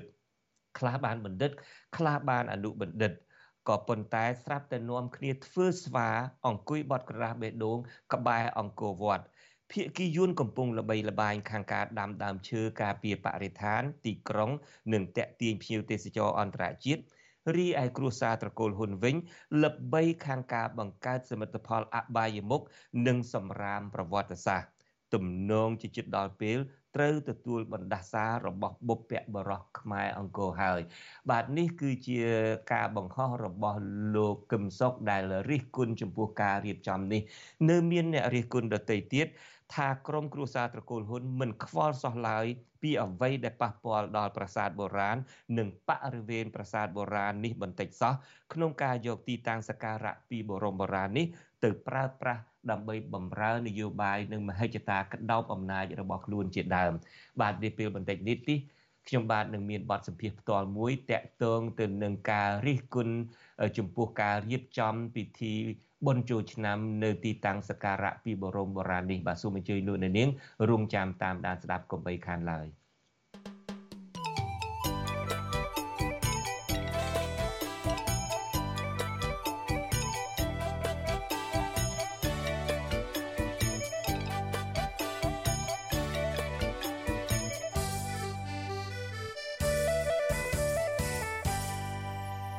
ឥឡូវនេះយើងងាកទៅមើលបញ្ហាព្រំដែនវិញម្ដងព្រែកមួយខ្សែប្រវែងរាប់រយគីឡូម៉ែត្រដែលបន្សល់តាំងពីសម័យបារាំងក្នុងខេត្តស្វាយរៀងទល់នឹងខេត្តព្រៃវែងត្រូវបានភៀកគីវៀតណាមកាន់កាប់បន្ថែមទៀត ក្រោយពីកម្ពុជានិងវៀតណាមបានបោះបង្គោលព្រំដែនកាលពីឆ្នាំ2017ក្នុងពេលដែលកម្ពុជាមានវិបត្តិនយោបាយមន្ត្រីសង្គមស៊ីវិលពន្យល់ថានៅគ្រាដែលប្រទេសណាមួយមានចំនួននយោបាយផ្ទៃក្នុងការកំណត់បង្គោលព្រំដែនមិនអាចយកជាផ្លូវការបានឡើយបាទលោកយ៉ងច័ន្ទរា មានសេចក្តីរាយការណ៍អំពីរឿងលោកពិតចំណានមានសេចក្តីរាយការណ៍អំពីរឿងនេះសូមទោសបាទព្រែកមួយខ្សែដែលបន្សល់ទុកតាំងពីសម័យបារាំង ហើយបានជីកឲ្យប្រើប្រាស់ឡើងវិញនៅសម័យខ្មែរក្រហមមានប្រវែងជាង100គីឡូម៉ែត្រស្ថិតនៅក្នុងខេត្តស្វាយរៀងនិងខេត្តព្រៃវែងត្រូវបានរដ្ឋាភិបាលវៀតណាមគ្រប់គ្រងទាំងស្រុងក្នុងរយៈពេល6ឆ្នាំចុងក្រោយនេះបច្ចុប្បន្នព្រែកនេះអាជ្ញាធរនៃប្រទេសទាំងពីរបានធ្វើផ្លូវក្រវ៉ាត់ព្រំដែនរួចរាល់ហើយក្នុងរយៈពេល3ឆ្នាំកន្លងទៅនេះក៏ប៉ុន្តែការកំណត់ព្រំដែនបានចូលទៅលើទឹកដីខ្មែរបន្ថែមទៀតនៅប៉ែកខាងជើងនៃព្រែកហើយព្រែកមួយនេះរបូតទៅភាគីវៀតណាមជាអ្នកកាន់កាប់ ស្របពេលដែលមង្គលព្រំដែនចាស់ដែលបន្សល់តាំងពីសម័យបារាំងនៅឆ្ងាយពីព្រែកនេះប្រវែងរាប់សិបគីឡូម៉ែត្រដែលលយចូលទៅក្នុងទឹកដីកម្ពុជាក្រោមដែលវៀតណាមគ្រប់គ្រងនៅពេលបច្ចុប្បន្នយុវជនដែលចុះសិក្សាពីបញ្ហាព្រំដែនលោកសឿនពិសិដ្ឋយល់ថារដ្ឋាភិបាល គួរតែបកស្រាយឲ្យបានច្បាស់លាស់លើរឿងនេះដើម្បីជំរះមន្ទិលជូនពលរដ្ឋខណៈដែលការកំណត់បង្គោលព្រំដែនកន្លងទៅហាក់ធ្វើឡើងដោយលាក់លៀមនិងបិទបាំងព័ត៌មានលោកថាបញ្ហានេះ គឺជាចំណុចដែលគួរឲ្យសង្ស័យដែលលោកនឹងមិនទាន់ទុកចិត្តរដ្ឋាភិបាលនៅឡើយទេរដ្ឋាភិបាលគួរតែបើកចិត្តទូលាយអនុញ្ញាតឲ្យយុវជនយើងតាមដានរឿងបញ្ហាព្រំដែននេះនិងបញ្ចេញមតិនៅតាម social media ហើយនឹងចូលរួមទស្សនកិច្ចសិក្សាពីតំបន់ព្រំដែនហ្នឹងឲ្យបានផុសផុលយើងអត់មានប្រៀបដូចវៀតណាមទេនៅពេលដែលយុវជនយើងទៅទស្សនកិច្ចសិក្សាឬយល់ដឹងអំពីព្រំដែនឃើញថាអាញាធររបស់វៀតណាមបានមករៀបរៀងមកខត់ដំណើររបស់យុវជនយើងជាញឹកញយជាច្រើនដង ព្រែកមួយខ្សែនេះមានទទឹងជាង20ម៉ែត្រនិងប្រវែងជាង100គីឡូម៉ែត្រលាតសន្ធឹងពីខេត្តព្រៃវែងរហូតដល់ខេត្តស្វាយរៀងឆ្លងកាត់ស្រុកស្វាយជ្រុំនិងស្រុកស្វាយរៀងអ្នកស្រុកខ្លះបានហៅព្រែកនេះថាព្រែកតែអងដែលបានជីកស្តារព្រែកនេះឲ្យជ្រៅងាយស្រួលក្នុងការធ្វើកសិកម្មនិងទាញទឹកមកប្រើប្រាស់ជាដើមអ្នកស្រុកថាមុនឆ្នាំ2010បង្គោលព្រំដែននៅតំបន់នោះនៅឆ្ងាយពីព្រែកនេះដោយលយចូលទៅដល់ទឹកដីវៀតណាមបច្ចុប្បន្នជាច្រើនគីឡូម៉ែត្រក៏ប៉ុន្តែក្រោយពីអាជ្ញាធរនៃប្រទេសទាំងពីរ បានបោះបង្គោលរួចរាល់អាជ្ញាធរវៀតណាមនិងខ្មែរបានសង់ប៉ុស្តិ៍ព្រំដែនគៀកមាត់ព្រែកនេះទាំងសងខាងពលរដ្ឋដែលរស់នៅតាមតំបន់ព្រំដែនខេត្តស្វាយរៀងថ្លែងសុំមិនបញ្ចេញឈ្មោះនិងសម្លេងប្រាប់វិសុអេស៊ីសេរីថាការបោះបង្គោលព្រំដែនកន្លងទៅមានភាពមិនប្រក្រតីជាច្រើនដោយភាគីវៀតណាមមានយុទ្ធសាស្ត្រឈ្លានពានគ្រប់រូបភាពហើយប្រជាជនវៀតណាមបានទិញដីស្រែពីពលរដ្ឋខ្មែរដើម្បីកាន់កាប់ជាដីរបស់វៀតណាមហើយការសាងសង់ផ្លូវក្រវ៉ាត់ព្រំដែនទៀតសោតភាគីវៀតណាមគឺជាអ្នកចេញថ្លៃចំណាយទាំងអស់ បន្ថែមពីនេះក្រោយពីការបោះបង្គោលព្រំដែនរួចអាញាធរវៀតណាមបានសង់ផ្ទះជាច្រើនខ្នងដើម្បីលើកទឹកចិត្តឲ្យប្រជាជនរបស់គេមករស់នៅគៀកព្រំដែនក្នុងគោលបំណងជារនាំងឈ្លានពានទឹកដីវិសុវអាស៊ីសេរីមិនអាចតាក់ទងសុំការបំភ្លឺរឿងនេះពីអ្នកនាំពាក្យសាលាខេត្តស្វាយរៀងលោករស់សុផារិតបាននៅឡើយទេនៅថ្ងៃទី20ខែមេសាចំណែកទេសរដ្ឋមន្ត្រីទទួលបន្ទុកបេសកកម្មពិសេសនៃកិច្ចការព្រំដែនលោកវ៉ាកំហុងក៏មិនអាចសុំការបំភ្លឺបានដែរដោយហៅទូរស័ព្ទចូលជាច្រើនដងតែគ្មានអ្នកលើក ក៏ប៉ុន្តែកន្លងទៅគណៈកម្មាធិការកិច្ចការព្រំដែនកម្ពុជាបានផ្ដាំឲ្យក្រមយុវជននិងពលរដ្ឋមួយចំនួនគុំគិតថារដ្ឋាភិបាលមិនគិតគូរពីបូរណភាពទឹកដីរបស់ប្រទេសខ្លួនហើយមិនស្រឡាញ់ជាតិឲ្យសោះទេសរដ្ឋមន្ត្រីទទួលបន្ទុកកិច្ចការព្រំដែនលោកវ៉ាកំហុងថ្លែងថាគណៈកម្មការព្រំដែនមានទូនាទីអនុវត្តកិច្ចការងារនេះនិងការពីបូរណភាពទឹកដីខ្មែរឲ្យបាន100%ត្រឹមត្រូវតាមច្បាប់ជុំវិញរឿងនេះប្រធានក្រុមប្រឹក្សាឃ្លាំមើលកម្ពុជានៅប្រទេសណ័រវេសលោកម៉ែនណាតសង្កេតឃើញថា ការកំណត់បង្គោលព្រំដែនក្នុងពេលកម្ពុជាកំពុងមានវិបត្តិនយោបាយដែលធ្វើឲ្យមានចំណុចសង្ស័យពីភាពមិនប្រក្រតីច្រើនដែលរដ្ឋាភិបាលលាក់បាំងនិងគម្រាមពលរដ្ឋមិនឲ្យនិយាយរឿងនេះលោកថាការកំណត់បង្គោលព្រំដែនគួរតែផ្អែកតាមបង្គោលចាស់ដែលបន្សល់តាំងពីសម័យបារាំងដែលមានចំនួន124បង្គោលដែលរដ្ឋាភិបាលគួរតែផ្ទៀងផ្ទាត់ឡើងវិញនៅបញ្ហានេះ។ យើងមានការសោកស្ដាយតែមិនគួរមានមេដឹកនាំយើងធ្វើការ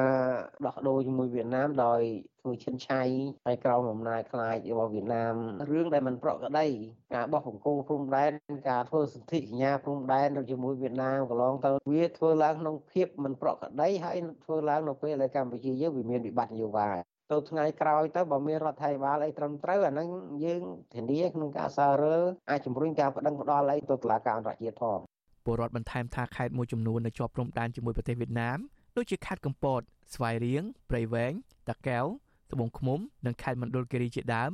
មានបញ្ហាប្រឈមជាច្រើនរួមមានការបោះបង្គោលព្រំដែនគ្មានដំណាភាពនិងគ្មានយន្តការការពារព្រំដែនឲ្យបានច្បាស់លាស់ជាដើមទន្ទឹមនឹងនេះពលរដ្ឋដែលរស់នៅតាមបណ្ដោយព្រំដែន ត្អូញត្អែពីការបាត់បង់ស្រែរបស់ពួកគេទៅឲ្យវៀតណាមជាអ្នកគ្រប់គ្រងជាច្រើនហិកតាបន្ថែមពីនេះទៀតដីខ្មែរដែលវៀតណាមបានបំពេញយកនៅរយៈពេលប្រមាណឆ្នាំចុងក្រោយនេះអាញាធរវៀតណាមបានក្តាប់យ៉ាងណែននិងបញ្ជូនពលរដ្ឋគេឲ្យទៅរស់នៅថែមទាំងស្ថាបនាហេដ្ឋារចនាសម្ព័ន្ធយ៉ាងច្រើនស្កេកស្កះទៀតផងកម្ពុជាមានព្រំដែនជាប់នឹងប្រទេសវៀតណាមប្រវែង1245គីឡូម៉ែត្រដែលត្រូវបោះបង្គោលព្រំដែនសរុបចំនួន371បង្គោលបច្ចុប្បន្នប្រទេសទាំងពីរ បានបោះបង្គោលព្រំដែនរួចរាល់ចំនួន315បង្គោលឬស្មើនឹង84%ហើយនៅសល់បង្គោលចំនួន56ទៀតស្ថិតនៅក្នុងខេត្តរតនគិរីមណ្ឌលគិរីត្បូងឃ្មុំស្វាយរៀងកណ្ដាលនិងខេត្តតាកែវខ្ញុំបានជិតចំណាន Visual Assisray ពីរដ្ឋធានី Washington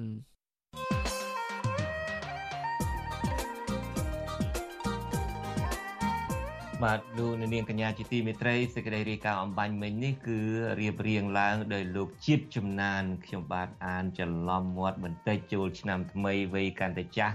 ហើយត្រាទុក6ហើយនឹងរៀងភ្លេចភ្លាំងបន្តិចបាទសូមខន្តីអភ័យទោសបាទបាទឥឡូវនេះខ្ញុំបាទសូមជម្រាបអំពីការធ្វើនីតិវិទ្យាអ្នកស្ដាប់វិទ្យុអាស៊ីសេរីសម្រាប់ថ្ងៃស្អែកនេះដែលលោកអ្នកនាងប្រកាសជាចង់ចូលរួមនឹងតាមដានបាទលោកអ្នកនាងដឹងហើយថាក្នុងអាណត្តិទី6នេះលោកនាយករដ្ឋមន្ត្រីហ៊ុនសែនបានជួយជ្រោមជ្រែងមន្ត្រីស្មោះត្រង់នឹងរូបលោកជាច្រើនអ្នក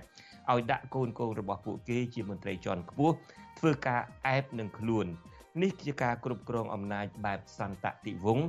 ឬតពូជនៅតាមស្ថាប័នរដ្ឋតើការគ្រប់គ្រងតវងត្រកូលបែបនេះនឹងប៉ះពាល់បែបណាទៅដល់ឱកាសនិងអនាគតរបស់យុវជនតើយុវជនត្រូវធ្វើយ៉ាងណានៅពេលដែលប្រទេសជាតិរបស់ខ្លួន ហាក់ដូចជាត្រូវបានក្រមអ្នកកាន់អំណាចយកទៅធ្វើជាកម្មសិទ្ធិរបស់ខ្លួនដូចសពថ្ងៃនេះ បាទនេះគឺជាប្រធានបទនៃនីតិវិទ្យាអ្នកស្ដាប់វិទ្យុអាស៊ីសេរីសម្រាប់រាត្រីថ្ងៃសុក្រទី21ខែមេសាស្អែកនេះបាទប្រសិនបើលោកអ្នកនាងមានសំណួរឬមួយក៏មានទស្សនៈយោបល់បែបណាឬមួយក៏គ្រាន់តែចង់ចូលមកសួរវាគ្មិនរបស់យើងសូមលោកអ្នកនាងដាក់លេខទូរស័ព្ទរបស់លោកអ្នកនាងនៅខ្ទង់ comment នៅលើបណ្ដាញសង្គម Facebook និង YouTube របស់ Vithu Azizi Saray នៅពេលដែលកំពុងផ្សាយផ្ទាល់នោះ ក្រុមការងាររបស់យើងនឹងហៅទៅលោកអ្នកនាងដើម្បីឲ្យលោកអ្នកនាងអាចចូលរួមបញ្ចេញយោបល់ឬមួយក៏សួរវាគ្មិនបានបាទសូមអញ្ជើញលោកអ្នកនាងរងចាំចូលរួមនឹងទស្សនានឹងតាមដានស្ដាប់កុំបីខានឡើយចំពោះនេតិវេទិកាអ្នកស្ដាប់ដែលជាមានប្រធានបទមួយគួរឲ្យចាប់អារម្មណ៍ដែលលោកអ្នកនាងប្រកាសជា អាចនឹងមិនចង់ឲ្យបាត់បង់ឱកាសនោះឡើយហើយអ្នកសម្របសម្រួលរបស់យើងក៏ជាអ្នកសម្របសម្រួលដ៏ឆ្នើមមួយរូបនៃវិទ្យុអាស៊ីសេរីបាទសូមអរគុណបាទលោកអ្នកនាងកញ្ញាជាទីមេត្រីឥឡូវនេះងាកទៅរឿងលោកហ៊ុនម៉ាណែតដែលទើបនឹងបានផ្កាយមាស4នៅលើស្មាវិញម្ដងថ្ងៃនេះរដ្ឋមន្ត្រីក្រសួងការពារជាតិគឺលោកទាបាញ់បានបំពាក់ ឋានន្តរស័ក្តិនាយឧត្តមសេនីយ៍ទៅឲ្យកូនប្រុសរបស់លោកនាយករដ្ឋមន្ត្រីហ៊ុនសែនកូនច្បងរបស់លោកនោះគឺលោកហ៊ុនម៉ាណែតអ្នកវិភាគនយោបាយលើកឡើងថាការបំពាក់ស័ក្តិផ្កាយមាស4ទៅដល់លោកហ៊ុនម៉ាណែតនៅពេលនេះគឺជាផែនការទុច្ចរិតរបស់លោកហ៊ុនសែនដើម្បីត្រៀមពេលដែលលោកហ៊ុនម៉ាណែតក្លាយជានាយករដ្ឋមន្ត្រី បាទលោកលេងម៉ាលីមានសេចក្តីរាយការណ៍អំពីរឿងនេះជូនលោកអ្នកនាងពីរដ្ឋធានី Washington ការដំឡើងឋានន្តរស័ក្តិផ្កាយមាស4ទៅដល់កូនប្រុសច្បងលោកនាយករដ្ឋមន្ត្រីហ៊ុនសែនត្រូវបានគេមើលឃើញថាធ្វើឡើងក្រោមរូបភាពមិនមានតម្លាភាពនិងគ្រាន់តែជាការពង្រីកអំណាចយោធារបស់ត្រកូលហ៊ុនក្នុងក្រសួងការពារជាតិលោកទាបាញ់បានបំពាក់ឋានន្តរស័ក្តិនាយឧត្តមសេនីយ៍ផ្កាយមាស4ទៅដល់លោកហ៊ុនម៉ាណែតជាផ្លូវការនៅថ្ងៃទី20មេសា នៅវិមានសន្តិភាពរាជធានីភ្នំពេញក្នុងពិធីបំពាក់ឋានន្តរស័ក្តិនេះលោកទាបាញ់ក៏បានបំពាក់ឋានន្តរស័ក្តិទៅដល់មន្ត្រីជាន់ខ្ពស់ជាស្ត្រីក្នុងវិស័យយោធាដែលធ្លាប់រងការរិះគន់ថាជាក្រុមមនុស្សជំនិតរបស់លោកហ៊ុនម៉ាណែតដែរស្ត្រីទាំងពីររូបនោះរួមមានរដ្ឋលេខាធិការក្រសួងការពារជាតិអ្នកស្រីដាំដារិនីត្រូវបានដំឡើងឋានន្តរស័ក្តិទៅជានាយឧត្តមសេនីយ៍ផ្កាយមាស4និងអនុរដ្ឋលេខាធិការក្រសួងការពារជាតិ អ្នកស្រីម៉ាលីសុចិតាត្រូវបានដំឡើងទៅជាឧត្តមសេនីយ៍ឯកផ្កាយមាស3លោកទេបាញ់បានលើកឡើងថាការដំឡើងឋានន្តរស័ក្តិទៅដល់លោកហ៊ុនម៉ាណែតនេះមានសារៈសំខាន់និងចាំបាច់សម្រាប់ការរៀបចំនាយទាហានបន្តវេនភ្លាមភ្លាមបន្ទាប់ពីទទួលបានការតែងតាំងលោកហ៊ុនម៉ាណែតក៏បានបង្ហោះសារថ្លែងអំណរគុណទៅដល់អង្គព្រះមហាក្សត្រនៅលើ Facebook ផេកផ្ទាល់ខ្លួន នៅថ្ងៃទី20មេសាផងដែរបន្ទាប់ពីថ្លែងអំណរគុណទៅដល់អង្គព្រះមហាក្សត្រ លោកហ៊ុនម៉ាណែតក៏បានថ្លែងអំណរគុណទៅដល់ប្រធានគណៈបកប្រជាជនកម្ពុជាដែលដែលជាឪពុករបស់លោក គឺលោកហ៊ុនសែនដែលបានផ្ដល់ទំនុកចិត្តដំឡើងឋានន្តរស័ក្តិដល់លោកដែររួចទើបលោកអគុណលោកទាបាញ់និងអគ្គមេបញ្ជាការនៃកងយោធពលខេមរៈភូមិន្ទលោកវងពិសេនតាមក្រោយដោយឡែកនៅក្នុងការបង្ហោះសារដាច់ដោយឡែកមួយទៀតលោកហ៊ុនម៉ាណែតបានប្រើប្រាស់ពាក្យក្នុងន័យឌឺដងទៅដល់អ្នកដែលរិះគន់លោកថា សម្រាប់អ្នកដែលទើសចំពោះការដំឡើងឋានន្តរស័ក្តិលោកសូមបន្តឆ្ងល់នឹងទើសទៀតចុះព្រោះលោកគ្មានពេលវេលាសម្រាប់ការបកស្រាយនោះឡើយជុំវិញរឿងនេះអ្នកវិភាគនយោបាយលោកកឹមសុខយល់ឃើញថាក្រៅពីមិនមានតម្លាភាពក្នុងការដំឡើងឋានន្តរស័ក្តិការដំឡើងផ្កាយមាស4ដល់លោកហ៊ុនម៉ាណែតនេះក៏ជាផែនការទុច្ចរិតរបស់គ្រួសារត្រកូលហ៊ុនក្នុងការរក្សាអធិបុលក្នុងវិស័យយោធាផងដែរមុននឹងកូនប្រុសច្បងលោកហ៊ុនសែនរូបនេះលាលែងពីតំណែង ទៅឈរឈ្មោះជាបេក្ខជនតំណាងរាស្ត្រក្នុងការបោះឆ្នោតនៅពេលខាងមុខលោកបន្ថែមថាលោកហ៊ុនម៉ាណែតគឺជាអគ្គមេបញ្ជាការកងទ័ពជើងគោកដែលអសមត្ថភាពក្នុងការការពារជាតិព្រោះនៅពេលកងទ័ពវៀតណាមចូលបោះតង់និងសាងសង់សំណង់រឹងមាំនៅលើទឹកដីកម្ពុជាកាលពីពេលកន្លងទៅ លោកបណ្ដាលមានអន្តរាគមន៍នោះឡើយប៉ុន្តែបែរជាអោនលំទោននិងព្យាយាមបង្កើនទំនាក់ទំនងជាមួយកងទ័ពជើងគោកវៀតណាមទៅវិញ ហើយម្យ៉ាងវិញទៀតកងទ័ពស្ថិតនៅក្រោមការដឹកនាំរបស់ហ៊ុនម៉ាណែតអត់មានធ្វើអ្វីក្រៅតែពីជួយជ្រោមជ្រែងមហិច្ឆតាឈ្លានពានរបស់កងទ័ពវៀតណាមមកលើកម្ពុជាហើយហ៊ុនម៉ាណែតខ្លួនឯងនៅពីក្រោយពួកឧត្តមសេនីយកងទ័ពដែលប្លន់ដីធ្លីប្រជាពលរដ្ឋធ្វើបាបប្រជាពលរដ្ឋវាយប្រជាពលរដ្ឋហូចឈាមខ្លះដល់ជីវិតហើយនឹងកាប់បំផ្លាញព្រៃឈើប្រណិត នៅទូទាំងព្រះរាជាណាចក្រកម្ពុជាជុំវិញរឿងនេះដែរអ តីតតំណាងរាជគណៈបកសង្គ្រោះជាតិលោកអ៊ុំសំអានយល់ឃើញថាការដំឡើងឋានន្តរស័ក្តិផ្កាយមាស4ទៅដល់លោកហ៊ុនម៉ាណែតមិនមែនជាការផ្ដាល់កិត្តិយសទៅដល់លោកហ៊ុនម៉ាណែតនោះឡើយព្រោះស័ក្តិដែលលោកហ៊ុនម៉ាណែតទទួលបាននេះបានមកពីឥទ្ធិពលរបស់ឪពុកលោកតែប៉ុណ្ណោះលោកបន្ថែមថាប្រការដែលលោកហ៊ុនម៉ាណែតមិនព្រមពាក់ផ្កាយ4បន្ទាប់ពីអង្គព្រះមហាក្សត្រដំឡើងឲ្យលោកតាំងពីថ្ងៃទី17ខែមីនាមកក៏ជាការប្រមាថដល់អង្គព្រះមហាក្សត្រដែរ មិនមានប្រយោជន៍អ្វីទៅដល់ប្រទេសជានោះទេផ្ទុយទៅវិញវាធ្វើឲ្យផ្កាយហ្នឹងទៅជាអតិបរណាផ្កាយមានផ្កាយទៅជាគ្មានន័យព្រោះផ្កាយហ្នឹងមិនមានកើតបានដោយសារការតស៊ូវិគុណសម្បត្តិឬអតីតភាពរបស់គាត់ដែលសំទទួលនៅផ្កាយ4នោះទេបេក្ខភាពនាយករដ្ឋមន្ត្រីស៊ីកេឪពុកលោកហ៊ុនម៉ាណែតត្រូវបានគេមើលឃើញថាបានយកគំរូដឹកនាំបែបផ្ដាច់ការពីឪពុករបស់លោក ដោយបានពង្រឹងឥទ្ធិពលរបស់ខ្លួនក្នុងវិស័យយោធាមុននឹងប្រឡូកចូលក្នុងការប្រកួតប្រជែងនយោបាយបើទោះបីជាលោកហ៊ុនម៉ាណែតនិងមន្ត្រីគណៈបកប្រជាជនកម្ពុជាតែងតែអះអាងថា ការដំឡើងឋានន្តរស័ក្តិទៅដល់លោកធ្វើឡើងដោយភាពត្រឹមត្រូវក្តីក៏អ្នកវិភាគនយោបាយលើកឡើងថាបើគ្មានឪពុកជានាយករដ្ឋមន្ត្រីជាអ្នកជ្រោមជ្រែងនោះលោកហ៊ុនម៉ាណែតនឹងមិនអាចកាន់តួនាទីសំខាន់សំខាន់និងឡើងស័ក្តិលឿនដូចនេះឡើយ ខ្ញុំបាទលេងម៉ាលីវិទ្យុអាស៊ីសេរីពីរដ្ឋធានី Washington កម្មវិធីវិទ្យុអាស៊ីសេរីសម្រាប់ទូរស័ព្ទដៃអាចឲ្យលោកអ្នកនាង អានអត្ថបទទស្សនាវីដេអូនិងស្ដាប់ការផ្សាយផ្ទាល់ដោយឥតគិតថ្លៃនិងដោយគ្មានការរំខានដើម្បីអាននិងទស្សនាមេតិការថ្មីៗពីវិទ្យុអាស៊ីសេរី លោកអ្នកនាងគ្រាន់តែចុចបាល់កម្មវិធីរបស់វិទ្យុអាស៊ីសេរី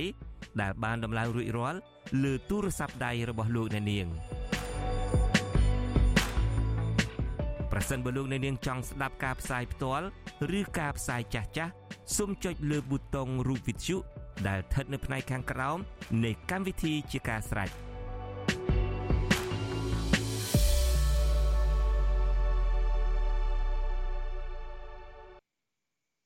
បាទលោកនាងកញ្ញាជាទីមេត្រីឥឡូវនេះដល់ពេលបទសម្ភាសផ្ទាល់ម្ដងហើយដែលតកតងទៅនឹងទស្សនៈយោបល់ឬនឹងការរិះគន់នានាជុំវិញការដែលក្រមគ្រួសារត្រកូលហ៊ុនយកទីតាំងសក្ការៈពីបរមបុរាណរបស់ខ្មែរយើងគឺប្រាសាទអង្គរយកទៅធ្វើជាទីតាំងកំសាន្តសប្បាយប្រពៃពិធីបុណ្យធំរហូតដល់ទទួលបាន ការទទួលស្គាល់ពីពិភពលោកដែលគេចាត់ទុកថាជាការបំបែកអគតិកម្មកម្រិតពិភពលោកចំនួន2បាទនោះគឺការរៀបចំបទក្រដាសបេះដូងធ្វើពីក្រដាសនឹងបានច្រើនជាងគេ ហើយនឹងការកែនយុវជន ដើម្បីឲ្យទៅរំចង្វាក់ម៉ាឌីសូនឹងបានច្រើន ជាងគេ នៅលើទីតាំងសក្ការៈពីបរមបុរាណរបស់ខ្មែរនេះ បាទចូលរួមជាមួយខ្ញុំបាទនាពេលនេះគឺប្រដេជគុណបុត្រប៊ុនតេងដែលជាអ្នកតាមដាន បញ្ហាសង្គមប្រតិជគុណក៏រិះគន់យ៉ាងចាស់ដៃដែរចំពោះការ យកទីតាំងសក្ការៈពីបរមបារាណនេះយកទៅបំរើនយោបាយរបស់ក្រមគ្រួសារតកូលហ៊ុននេះខ្ញុំកណាបានឃើញប្រគុណម្ចាស់ហើយខ្ញុំកណាសូមក្រាបថ្វាយបង្គំពីចម្ងាយប្រគុណម្ចាស់ពូចម្រើនពូញោមជនច័ន្ទបុតនិងសហការីស៊ីសេរីគ្រប់រូបព្រមទាំងអ្នកទេសនាកັບផ្សាយស៊ីសេរីបងពូបាទ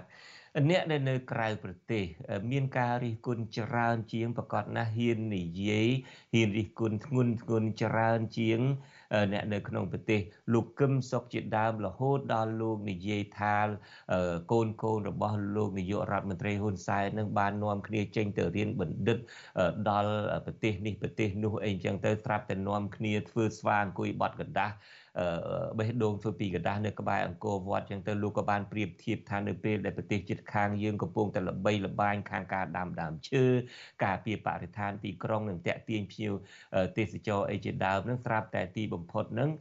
គ្រួសារតកូលហ៊ុនគឺល្បីខាងបង្កើនសមិទ្ធផលអបាយមុខនិងបង្កើតសម្រាមជាប្រវត្តិសាស្ត្រទៅវិញលោកកឹមសុខនឹងក៏រិះគន់យ៉ាងចាស់ដៃមួយទៀតថាទំនងជាចិត្តដល់ពេលដែលត្រូវទទួលប ណ្ដាសារបស់បុព្វបុរសអង្គរថែមទៀតផងតើប្រគុណម្ចាស់មានទស្សនៈយោបល់បែបណាដែរជុំវិញការរៀបចំពិធីបុណ្យចូលឆ្នាំខ្មែរនៅលើទីតាំងសក្ការៈដែលមានមនុស្សចូលរួមរាប់ពាន់រាប់សែនអ្នកឡើងជិះជាន់ប្រាសាទចាក់ភ្លេងអីនឹងឡើងជួយប្រាសាទអស់ហើយតាមពិតនឹងនៅពេលដែលប្រាសាទបុរាណខ្មែរជាពិសេសអង្គរវត្តនិងបរិវេណអង្គរទាំងមូលត្រូវបានដាក់ចូលទៅក្នុងបញ្ជីបេតិកភណ្ឌពិភពលោកប្រឈមមុខទៅនឹងគ្រោះថ្នាក់មិនមែនត្រឹមតែដាក់ចូលក្នុងបញ្ជីបេតិកភណ្ឌពិភពលោកធម្មតាទេជាបេតិកភណ្ឌពិភពលោកមួយប្រឈមនឹងគ្រោះថ្នាក់មានន័យថាប្រឈមនឹងការបំផ្លិចបំផ្លាញប្រឈមនឹងការជិះជាន់នឹងការបើកយន្តហោះរញ្ជួយធ្វើឲ្យបាក់បែកថ្មប្រាសាទអីជាដើមទីបំផុតទៅក៏ស្រាប់តែគេនាំកែនមនុស្សមករាប់ម៉ឺនរាប់ពាន់អ្នកដើម្បីមករំច្រៀងសប្បាយឡើងជិះជាន់អីទៅវិញតើប្រគុណម្ចាស់មើលឃើញបែបណាដែរចំណុចនេះនៅពូទង្វើរបស់ក្រមគ្រួសារហ៊ុនសែននេះពិបាកនឹងទទួលយកណាស់ព្រោះវាបំផ្លាញដល់ស្មារតីជំនឿជាលក្ខណៈប្រវត្តិសាស្ត្រក្នុងតំបន់កូវិដវាជាតំបន់ប្រវត្តិសាស្ត្រ សក្ការៈបូជាហើយនៅក្នុងការធ្វើនេះគឺជាការជឿនឈ្លីជំនឿដែលយើងធ្លាប់ជឿ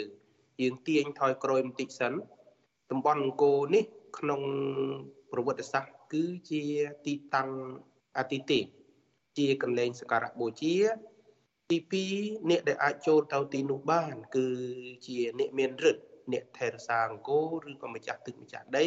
ហើយនិងអ្នកគ្រប់គ្រងប្រទេសមានតែព្រះមហាក្សត្រទេដែល ចូលទៅទីនោះ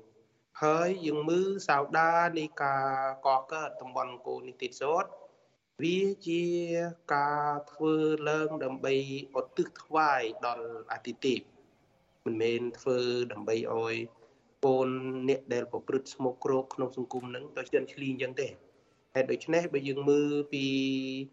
សារបាននៃប្រវត្តិសាស្ត្រគឺជាទីសក្ការៈបូជាដែលមិនត្រូវបានជន់ឈ្លីដោយបុគ្គលណាមួយទេសូម្បីតែជាស្ដេចសូម្បីតែត្រកូលស្ដេចក៏មិនអាចទៅនៅទីនោះបានផងគ្រាន់តែយាងម្ដងមកកាលនេះបើក្នុងជំនឿប្រវត្តិសាស្ត្រ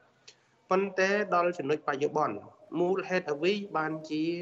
របបក្រុងភ្នំពេញបានធ្វើយ៉ាងដូចនេះ ពីព្រោះរបបក្រុងភ្នំពេញបានបំផ្លាញដំណាក់កាលចុងក្រោយនេះគឺបំផ្លាញអរិយធម៌បំផ្លាញជំនឿបំផ្លាញសិលធម៌សង្គមបើយើងមើលដំណើរការនៃការបំផ្លាញរបស់គ្រូសាហ៊ុនសែនយើងឃើញបំផ្លាញ5ដំណាក់កាលមកបំផ្លាញដំណាក់កាលទី1គឺអូសបរទេសចូលស្រុក79ណានបូ បំផ្លាញដំណាក់កាលទី2គឺប្រគល់តំបន់អង្គរឲ្យក្រុមហ៊ុនសូហ្គេមិកគ្រប់គ្រងយកចំណូលទៅឲ្យបរទេស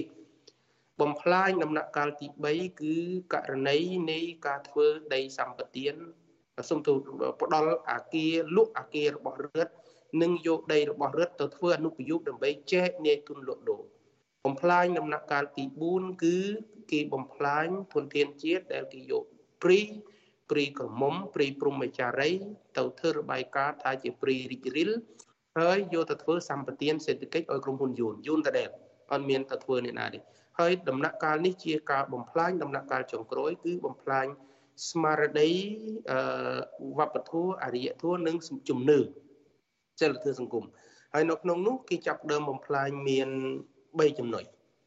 ចំណុចទី1គឺគេបង្កើតគណៈបកនយោបាយមួយដែលអោយមីដឹកនាំនយោបាយតាំងខ្លួនជាព្រំយ៉ែតប្រេតយំប្រេតយំប្រេតយំបែជើងក្នុងក្លែននឹងហៅប្រេតយំក្បែរជើងក្នុងក្លែនពាក្យបញ្ជូនណាគេចុះបញ្ជីការអោយគេដាក់ចុះបញ្ជីការអោយហើយនាយករដ្ឋមន្ត្រីគេអ្នកការពារហើយពេលដែលគេបំផ្លាញម្នាក់គេអត់គ្រប់ហ៎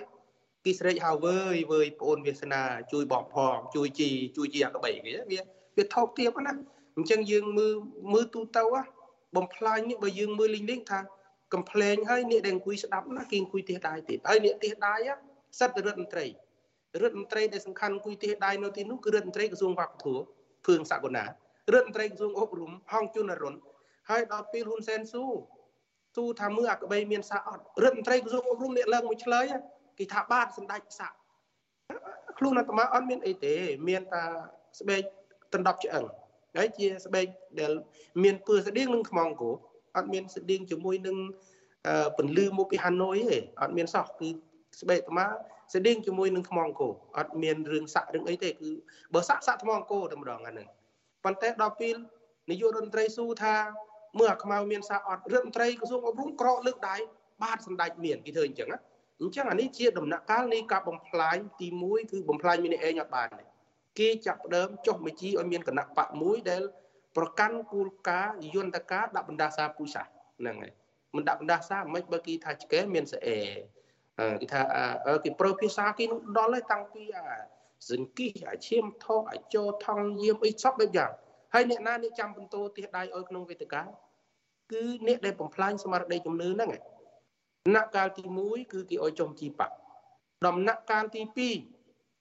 គឺនាយករដ្ឋមន្ត្រីជីដាក់ឆ្នាំមិនជីដាក់ថេទេនាយករដ្ឋមន្ត្រីជីដាក់ឆ្នាំខ្លួនឯងដំណាក់កាលទី3គឺគេឲ្យស្រីលក់លេតាំងខ្លួនជាទីវតាជីក្បីហើយជីក្បីនឹងជីជាលក្ខណៈដែលប្រមាថទៅលើវប្បធម៌ហើយនៅក្នុងការគោរពនៅស្មារតីប្រពៃណីជាតិយើង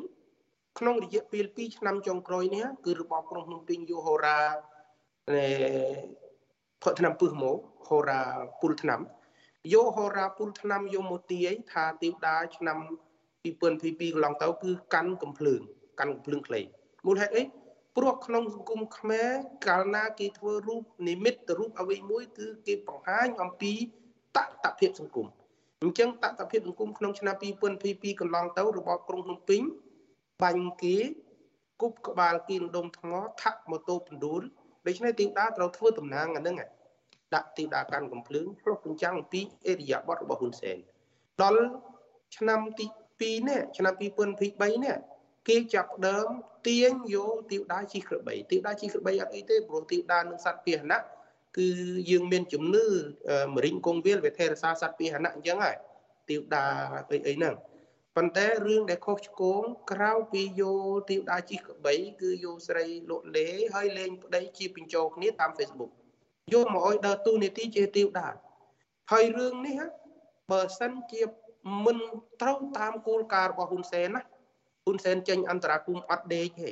ដូចឧទាហរណ៍គ្រូជោគជាមយ៉ាងអ្នកគ្រូជោគជាមលោកគ្រូជោគជាមអីគឺថាគេឡើងមកអន្តរាគមទើបតែមានការសុំទោស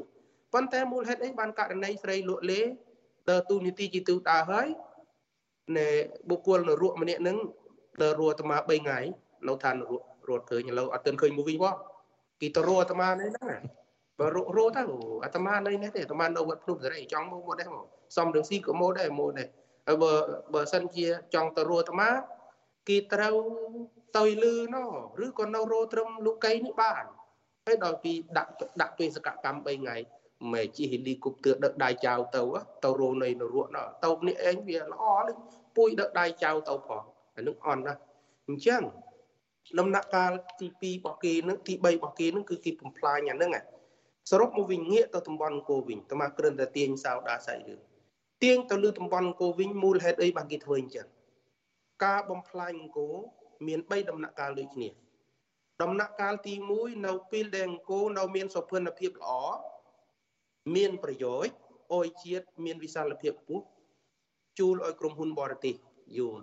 បន្ទាប់មកទៀតអត់សិក្សាវាយតម្លៃអំពីការជួសជុលទេដែលប្រគល់ឱកាសឲ្យក្រុមហ៊ុនឥណ្ឌាជួសជុលហើយគេមិនទាន់ធ្វើចាប់បេសកកម្មរបស់គេផងមានអ្នកណាចាក់ចុចដេញគេចូលប៉ះពិលដល់អង្គរវត្តរហូតដល់ភុយដោយសងៃខ្យល់ផាត់រសាត់ភុយភុយដូចផេះហ្នឹងហ្នឹងជាការសម្រេចចិត្តរបស់គ្រូសាហ៊ុនសែនមួយទេដំណាក់កាលទី